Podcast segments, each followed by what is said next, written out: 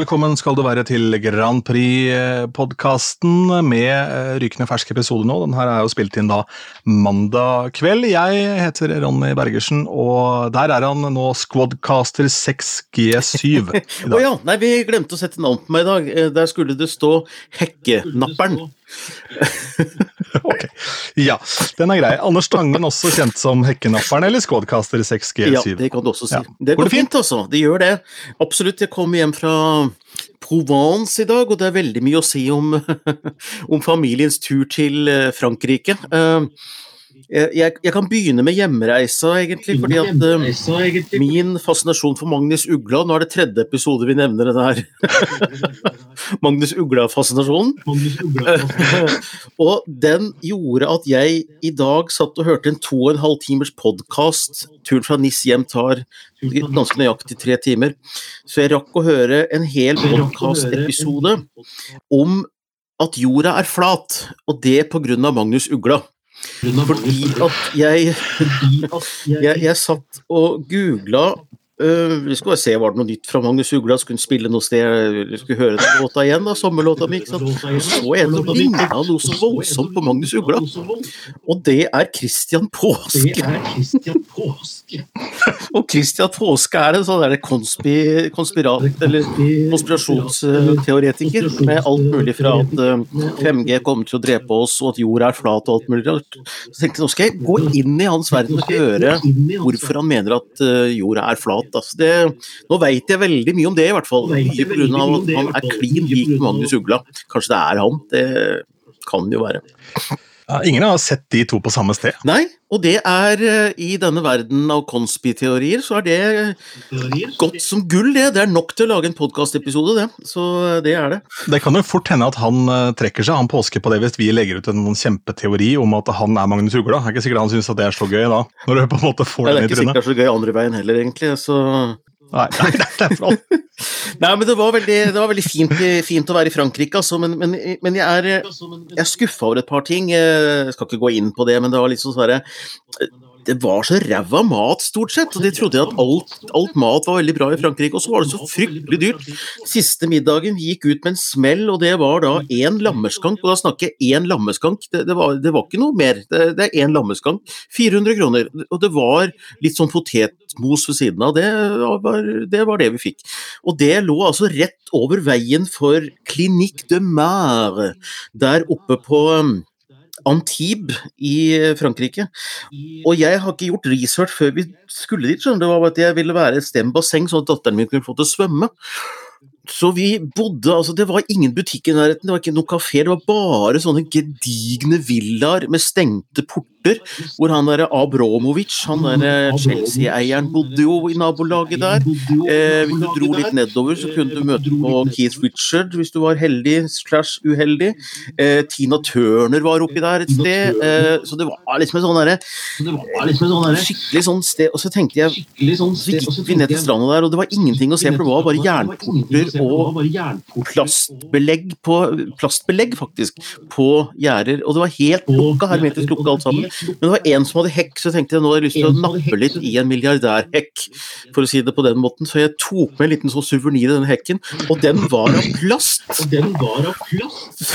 Så jeg, jeg satt på balkongen og satt liksom og nøyt min lille hårdott av denne her milliardærhekken som var av plast. Og så tenkte jeg på den her klinikken, denne her eh, skjønnhetsklinikken som lå like ved Nei, det, det har vært veldig mange rare tanker, eh, så jeg skal ikke gå så veldig inn i dybden på det. Men fransk språk er et mareritt, og jeg eh, Altså, det er fint språk, altså, men det er umulig, for du skal prøve å snakke litt fransk for å være høflig. Og så vil jeg ikke gå over til engelsk, for jeg syns de skal være stolt av språket sitt. Jeg syns det er greit at de snakker fransk, men det endte jo med at jeg på Le Petit Bistro oppe i Aix de Provence skulle bestille meg et glass rødvin, og fikk en bøtte med isbiter, f.eks. Så jeg, jeg må av og til prøve å gå over på engelsk, altså. Du var ikke fornøyd med det, altså? Nei, det, det, jeg skjønner det. skjønner det. Ja, ja. Jeg har eh, vært på indisk sammen med en kompis. Um, det kan jo si det først, jeg gidder ikke å bruke masse tid på det, men det blei jo noe amputert et opplegget mitt, av denne reiseopplegget pga. Ja, litt diverse. Okay. Uh, Eh, det var jo da Ja. Det var en bulking med ikke, ikke med taxien jeg satt i, men det var kø opp til Gardermoen, så jeg rakk ikke fly, og det var mye greier. Ja, du men skulle alt alt til ble du skulle reise til Jeg skulle jo da London ja. først. Så jeg, ja, vi kan ta det da. Jeg var jo i London og så ja. Adele. Det var kjempefint. Ja, det var det, ja. Uh, og ja, det var som å være litt sånn hjemme hos henne, på en måte. For det var ganske sånn intimt og hyggelig, til tross for at det var 70 000 her. Så milliardær-hekkenapping? Og så Ja, det var noe som ligna på det, ja. Og så fløy jeg da hjem for å spille i bryllupet til Inge Johanne, og da sto jeg halvannen time i kø for å komme inn til det som var den fast-tracken ja. til uh, Gatwick flyplass. Jeg rakk ikke det fly, men jeg hadde en backup. Så da måtte jeg til Heathrow, rakk det flyet, men der starta altså køen på sikkerhetssjekken utenfor terminalen. Oi. Men du har jo vært, sto, sto du har vært skikkelig sånn profesjonell liksom, reisende. Med liksom Ja, nei, jeg skulle reise derfra, men jeg hadde en backup, så jeg skulle ta fly fra en annen flyplass for å rekke å spille i et bryllup. Det er, det er klasse over dette, Bergersen. Ja, altså jeg hadde ikke noe valg i dette tilfellet her, for dette er jo, som jeg tror jeg nevnte her før, at hun som jeg spilte mm. for, hun hadde jo hjalp meg altså alle seks årene jeg gjorde den festivalen i Askim. Uh, uten sånn uh, Fikk jo knapt lov til å betale utleggene hennes. Gratulerer med det. Mm. Og så jeg holdt en liten tale også i, den, uh, i det bryllupet, og så sa jeg det at jeg vet ikke om dere vet det, alle som er her nå, men Inge Johan og jeg er faktisk klina på et tidspunkt, så da ble det veldig rar stemning. Og så sa jeg at da fikk vi et tegn fra Gud på at ikke det var noen god idé at det skulle bli oss to. Okay. For på det tidspunktet vi klina, så hadde vi begge tannregulering. Dere kom løs fra hverandre. hengte hekte seg ikke fast. Nei. Ja, ja, ja. Ikke tenk på det. Men eh, nei, eh, og så bestemte jeg meg da for å ikke reise tilbake på søndagen, men vente til mandag. Så jeg droppa Rolling Stones bevisst for å kunne slappe av litt og bli med litt på mm. festen der og slippe å sitte og være bekymra for at jeg kanskje var, ikke var edru nok til å kjøre hjem fra Horten og, eller til flyplassen og masse greier. Og så fucka det seg litt der på mandagen, så jeg var jo ikke da i Berlin før på tirsdag, men eh, det, det ordna seg. Ja. Det som derimot ikke ordna seg, var eh, en rolig tur. Jeg hadde fri nå på lørdag, så skulle jeg bare ta noe indisk med en kompis. Han kjente tilfeldigvis eh, Mikkel Gaup, så vi endte opp da på Grünerløkka. Thomas, min venn, jeg, Mikkel Gaup og hans venninne, som også var halvt samisk og drev litt med proffwrestling eh, ved siden av. Så det ble et sjøslag uten like. Jeg husker ikke helt den turen hjem, men Nei, men... Uh, jeg har alle lemmer, alle lemmer, i behold. Det hørtes jo veldig så. hyggelig ut, da. Uh, å sitte på Grünerløkka med Mikkel Gaup, det er jo Ja, du, du, kan ikke tilbringe kvelden særlig mye frekkere enn det. Nei, fantastisk trivelig type. Så vi får se da om han dukker opp i den podkasten her på tidspunkt for å snakke om et eller annet. Mikkel Gaup, jeg, jeg må bare tenke, fordi Mikkel Gaup ja, ja, ja, selvfølgelig. Uh, ja, for det, det, var jo han som var med i MGP, var det ikke det? Jo, det kan godt hende. Jeg har faktisk ikke googla han i farta. Jo, jo, jo. Mikkel Gaup, vet du. Han var jo med i 20... Eh, 20, var det ikke? 2020, eller var det 2021? Ja, 2021. Ja, det er fantastisk. Så dette er jo dette her burde jeg selvfølgelig googla. ja, nei, det var, eh, jeg bare kom på det, for det var jo så uh, stas at han uh, For det var jo et eller annet litt som pussig ikke sant, med Fred Buljo som ble sjefsjoikeren i 2019. Så kommer sjefen sjøl, Mikkel Gaup, året etter. Det er, det er stas, altså. Joik har større kraft enn krutt. Så ja, var det ikke det du sa? jeg, klarte å unngå å spørre hva han tenkte om joikakaker òg, så jeg er ganske stolt av ja, det. Nei, det, er jo, det er jo don't mention-temaer som det er greit å unngå, egentlig. Det er jo det. Så. Men det minte meg da på at, eh, ja, at det ikke er så nødvendig å drikke så mye brennevin ofte. Eh, det er jo ikke noen god kombo. Øl har man kontroll på, eller vin, da, ikke sant. Men det var noen som hadde det verre, for det satt et par der som eh, drev og testa hele menyen, for det var så interessert i en drink som kom med en kokosnøtt. Oh, ja. Og så hadde ikke, ja, men Det var jo, det var jo en kokosnøtt av keramikk, da, det var et oh, glass. Og så spurte jeg, spurte jeg, bare om jeg kunne få en drink i kokosnøtta, og så fikk jeg det med en gang. For det visste at det hadde, det hadde to forskjellige. De hadde ananaser og kokosnøtter. Og de hadde bare tilfeldigvis fått ananasen hver gang. Å, det er så Når man ikke er i Syden, så kan man leke at du er i Syden, da. Ikke sant? Og, og, og, og gjøre moro ut av det som er moro. Altså det er grønne drinker, drinker i rare glass. Det er på en måte når du, når du, får energi til å gå inn i sånne ting, da er det sommerferie. Det er jo det. Og for meg så er det det sukkeret på kanten. Ja. Når du har sitronen der, så dypper du den i sukker.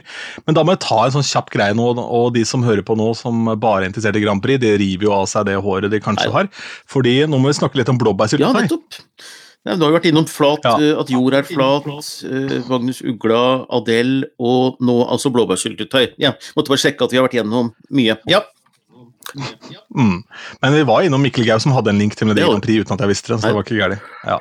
Du, blåbærsyltetøy, det, hadde de hatt livets rett uten pannekaker? Oi, det er et godt spørsmål. Oi, godt spørsmål. Uh, nei, vet du hva, jeg, jeg tror jeg spiste det på brødskiver da jeg var liten, men jeg har aldri gjort det som voksen. Men det har Som pålegg, altså. Nei. Nei, det var det jeg tenkte også. For jeg, eh, satt og, jeg kjøpte jo et glass blåbærsyltetøy, for jeg hadde noen pannekaker her. Ja, Det var vel det jeg gikk på fylla på på lørdag, det kan jo forklare en del. Uh, så var det pannekaker til lunsj, og så en liten indisk, og så var det rett Ja, ja. ut på Ja, Hartland med Mikkel Gaup. Ja. Ja, uh, det, det demrer jo nå hvorfor dette gikk gærent. Jeg skjønner jo det. Um, Men nei, og så slo det meg dette her er, eh, dette glasset her blir jo nå kasta. For jeg spiser pannekaker en gang i skuddåret, så det ville aldri falle meg inn å ha det på brødskiva. Nei. Nei, det er eh, enig med deg, det. Altså, blåbærsyltetøy eh, Jeg var ikke helt forberedt på å snakke om blåbærsyltetøy, merker jeg, men eh, Jeg vet at Jeg vet at de kom fra Estland mye, og, og, Estland hadde et forferdelig bra bidrag, bl.a. i Norge 1996. Så Snakker du om bæra nå? Ja, det òg. Altså, ja, um, mm, så det er Nei, blåbærsyltetøy fra Latvia, er, eller, eller Estland I det hele tatt derfra Skal vi se nå um, Eurovision Skal vi se Estonia uh, 1996, ja. Dette blir bare tull, du er klar over det? Tull, Den heter Kaleke Hall. Uh, fantastisk låt, altså med Maria-Lis og Ivo-Lina. Den må vi nesten legge ut link til, tenker jeg, som for en tribute til blåbærsyltetøyet, som mye kommer fra Estland og Latvia. Mye kommer fra Estland og Latvia. Den er grei. Skal vi snakke litt Ja, Grand Prix, da? det. Jeg syns det. eh, Til ære for alle som har eh, holdt ut med det så, så lenge. Men det er, det er jo litt dødsesong nå. Men eh, veldig tidlig ute Israel i år med å, å først gå ut og si at de skal ha med Nora Kiel. Nora Kirel. Noah Kirel. Eh, fantastisk stor artist internt i Israel. Eh, ikke stor i den forstand, hun er 1,56 høy. Eh, som gjør henne enda lavere enn meg, faktisk. Og eh, programleder der borte og har eh, titalls millioner av seere på videoene sine. En låt som heter Bad Little Thing, blant annet. Og eh, tror det kan bli veldig tøft. Altså jeg tenker at Hun vil kunne skaffe seg et mye større publikum gjennom Eurovision, fordi hun er allerede Eurovision-artist. Hun kan gjøre dette med stor troverdighet. Men en låt si 'Bad Little Thing' kunne sklidd rett inn på både hitlister og Eurovision, så hun trenger ikke forstille seg for å gjøre en Eurovision-opptreden. da.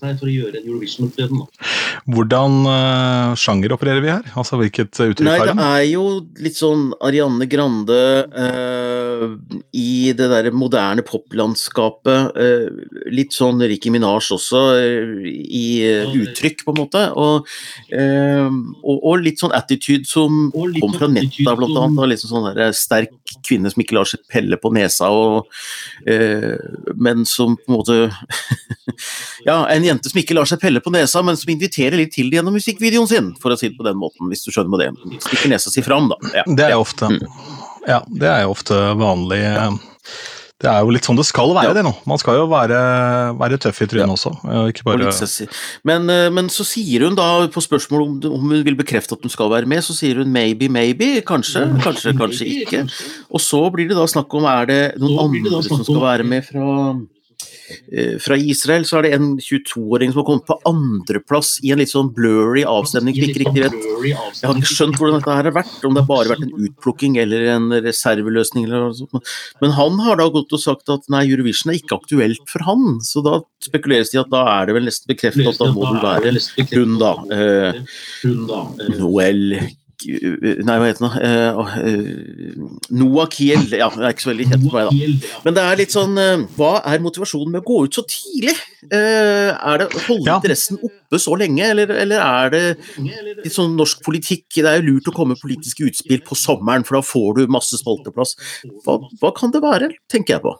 Nei, det vet ikke jeg. Og så tenker jeg vel det at eh, Hvem er det som bestemmer at det skal ut så tidlig? Er det kringkasteren? Ja, altså, de, de, de, altså, I Norge nå så er helt sikkert NRK uh, med Stig Karlsen i spissen Han har sikkert masse navn på blokka, han, som han veit skal være med i Eurovision neste år. Men han går jo ikke ut med det nå. Uh, uh, så det er jo for så vidt Men han kan jo gjøre det, selvfølgelig. eller om det er artisten som vil skaffe seg litt oppmerksomhet sjøl ved bare lage ut noen rykter. Men det er liksom ikke så svært for henne å skulle være med i Eurovision at det er noen grunn til å bruke det på sånn Nei, jeg stusser litt på det. Men eh, det gir jo kanskje bedre tid til å spekulere rundt låter og finne gode låter, og når folk veit hvem artisten er, så er det flere låtskrivere som da kan sende låter til henne, eller forleggere som kan ta kontakt og i det hele tatt. For det er ikke sikkert de har noen låt ennå. Det er jo sånn du får Nei, det er, det er faktisk et poeng, da. At man kanskje da uh, At det er det man fisker etter. Man finner de riktige folka som skriver de låtene. Ja, Hvis de veit at hun stiller opp, ikke sant, så Ja, det er der, vet du. Vi har jo snakket om dette her, at jeg skal drive og sende inn en låt uh, til Melodifestivalen. Jeg får sende den, da. Til Noah Kirel, da. Så får hun ta den nød, rett og slett. Hvis det ikke blir noen annen råd, så får jeg sende den til henne. Som en nødløsning. Som en nødløsning. Er det nødløsningen, da? Ja, sånn superstjerne fra Israel. Det, det er nødløsningen til Tangen. Jeg liker det. Som er forhåndskvalifisert til å delta i Eurovision nå. Det er deilig. Det liker jeg. Det er nødløsningen. I all beskjedenhet. Du kjerring, du er den eneste dama jeg har møtt som er lavere enn meg. Ja, ja, ja, det... Apropos uh, damer som uh, bjuda på mye. Lisso er jo en uh, stor artist nå, og er jo også en stor dame. Er jo voldsomt uh, kraftig dame. og ser ut til å leve godt med det. da.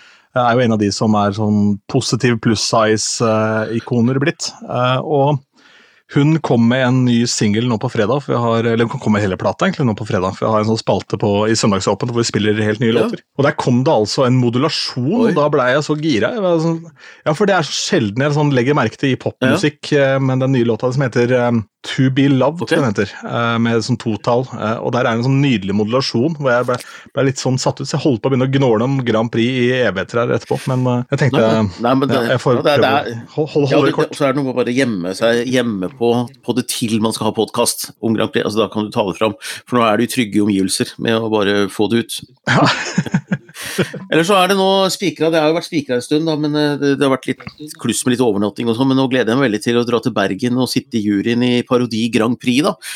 Ganske svært arrangement i Bergen 26.8, eh, så da skal jeg sitte i juryen. Vet ikke hvor mange vi blir, men eh, da blir det en bergenshelg, da, der borte. Så jeg gleder meg stort til, for det er folk som virkelig jobber og står på. Dette er jo den, den nasjonale finalen, så det er lokale finaler rundt omkring i hele Norge, da. Så det er det blir gøy. Er det første gang du er i nasjonaljuryen? Ja, det er det. Jeg har vært i en nasjonaljury. Ja, kult, gøy. Ja, det er gøy. Så det gleder jeg meg til. Ja, ja. det er gøy. Artig. Eh, og så er det jo da sånn at eh, det som du egentlig kanskje ville til livs, da, det ble jo en suksess med American Song Contest. Ja.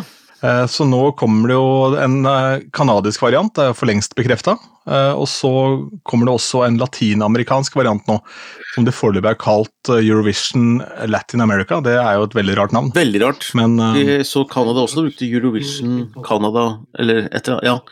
Men det er vel muligens fordi at Eurovision er et så sterkt merkenavn, og det gir så klare assosiasjoner til hva programmet er, at, at de har fått lov til å bruke det, for det må de jo ha gjort. Og jeg så han Østerdal, Martin Østerdal, som er produsent, den nye Jon Ola Sand. Eh, er jo fra seg av begeistring for dette. Så jeg, får bare kjøpe det, da. At, eh, kjøpe det, da. At, eh, at moderskipet kanskje er såpass sterkt at folk har lyst til å kopiere det. Men uh, kanskje de kan klaste glans på hverandre. At, at, det er plass til alle sammen. Det er det jeg begynner å litt. At det styrker merkevaren Song Contest, som da er noe annet enn X-Factor, som er noe annet enn Idol, og som da kan løfte fram låtene og låtskriverkunsten, og at det er det du konkurrerer i. da.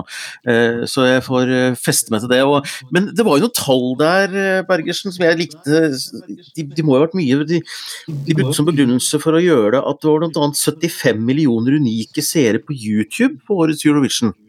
I 232 territorier rundt omkring i verden, hvor Latin-Amerika Amerika riktignok var den største. altså De hadde flest seere der.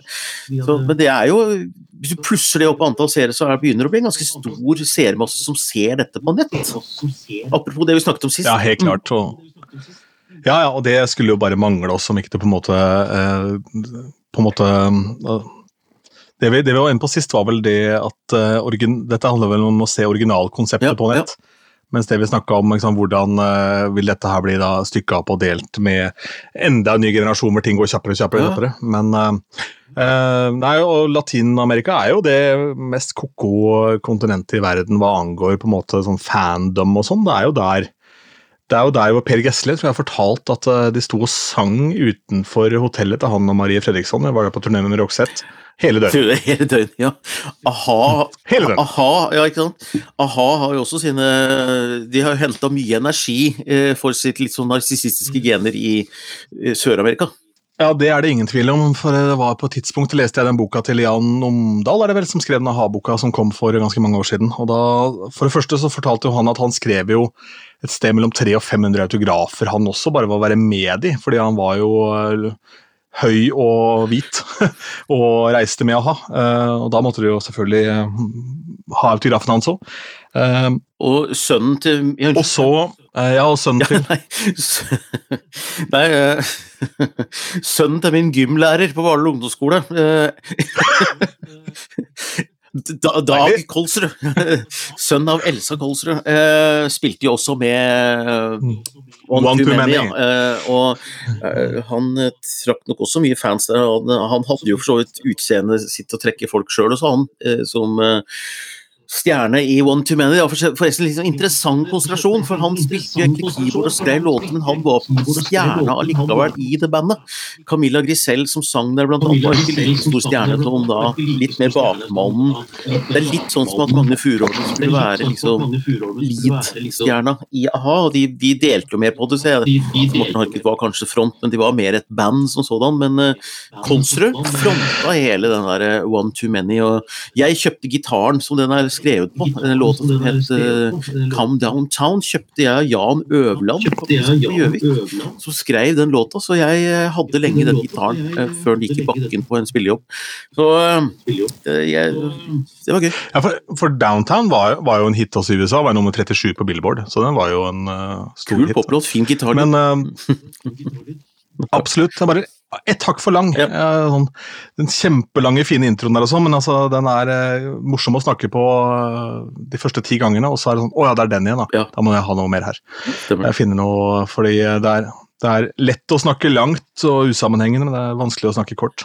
Men i hvert fall i den boka så står det da at eh, på et tidspunkt da, så var det veldig mye styr rundt Morten Harket, så de leide et fly, og så fløy de like langt som fra Oslo til New York inn i Amazonas. Eh, For da drev jo han også med Bevare regnskogen, han fronta jo det en periode også, Morten Arket, ganske kraftig.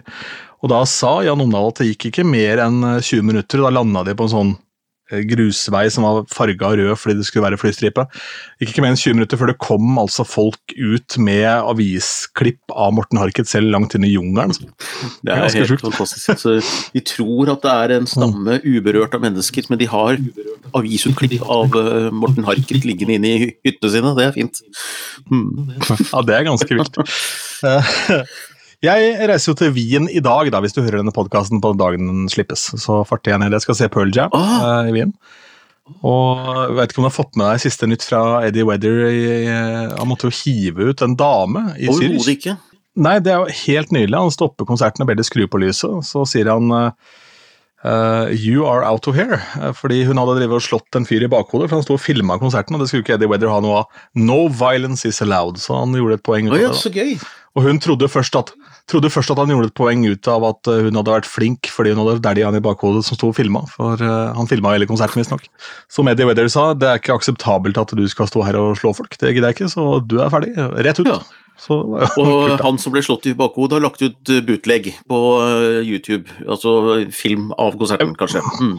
Men det er i hvert fall ganske kult at han tok seg bryderiet og var veldig rolig avslappa. Ikke noe frekk eller noe som helst. Han bare dre- drev med voksenopplæring, rett og slett. Til noen Vi ser jo flere sånne, Så, ja, flere sånne klipp av artister som tar ansvar på scenen for tida. Adele også, eh, fordi du, du har jo fått litt eh, panikk etter disse her, eh, ulykkene. Hvor, ja, Travis Scott. ja, ikke sant? Travis Scott, uh, med Ja, trampinger og Så det er jo bra, det. Ja, og, men det er liksom ekstra jobb på artistene som da skal holde øye med crowden, publikum der ute, da. Og, men tilbake til dette med fandom, som du sier, i, eh, i eh, Ja, det kan jo være spennende, da. At det kan blåse engasjement og liv inn i Eurovision-familien. Det hadde jo vært kult, i så fall.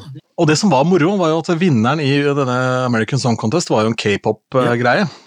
Så, og fordi Amerika er jo en smeltegryte av alle kulturer, ikke sant. Det var, hvem var det som Det var eh, to sånne tenkere fra Sverige som er jævla kule, som heter Jonas Ridderstråle og mm, Kjell et eller annet. eh, Som har skrevet noen bøker. De eh, sa det at det tar omtrent tre år å bli amerikaner, så tar det tre-fire generasjoner å bli finsk. ja, men det er, det er godt sagt, egentlig. Ja. De har eh, en bok som heter Karaoke Capitalism og Funky Business er de to mest kjente. Det er, by far det beste foredraget jeg har hørt i hele mitt liv. av sånn der, eh, Ikke motivasjonstid, men sånn businessforedrag. da. Det var på Gulltagen et år, hvor de holdt uh, huskestudie, gutta. Så det var eh, heftig. Så, der er det mye rart. og Da snakka de om dette her, da, at eh, kapitalismen vil bare surre og gå uansett. Du har liksom et valg, eller enten så er du med, eller så er du ikke med. Den maskinen ruller og går i en eller annen retning Ja, uansett gøy. hva som foregår. Men eh, ja, skal vi, eh, eh, skal vi rappe opp Ja, dette her på et det vis med Det- noe en delvis fornuftig? Ja, nei, det, det vil å si at nå framover så begynner det etter hvert å komme tett som hagl med låtskrivercamper rundt omkring, og følg med på Instagram. og Hvis det er artister du lurer på om skal være med i Eurovision, så er det liksom bare å følge litt med på Instagram hva de legger ut fra låtskrivercamper, og, og så får vi se, da, hva som dukker opp innover i august så er det i gang, tenker jeg, rundt omkring, så får vi se. Det gir ofte en liten pekepinn. Helt klart, eh, og vi holder på vi med episoder hver eneste uke, som sagt. Hvis du har eh, noe på hjertet som vi skal prate om, eller noe ja, Hvis du har noen fun facts om Magnus Ugla, eller hva det måtte være, så send oss en mail. Eventuelt om Christian Hei Påske. eh, Eller til Christian Påske. Ja, ja, ja. selvfølgelig, Flat, jorda er flat. Mm. Ja. Ja, send gjerne fun facts om Magnus Ugla til Christian Påske. Da blir vi glad. Ta mailadressen en gang til, du. Ja, hei at grandpripod.no. Det var jeg som var Bergersen, da, og det var Tangen på andre siden her. Du har hørt Grand Prix-podkasten. Takk for oss.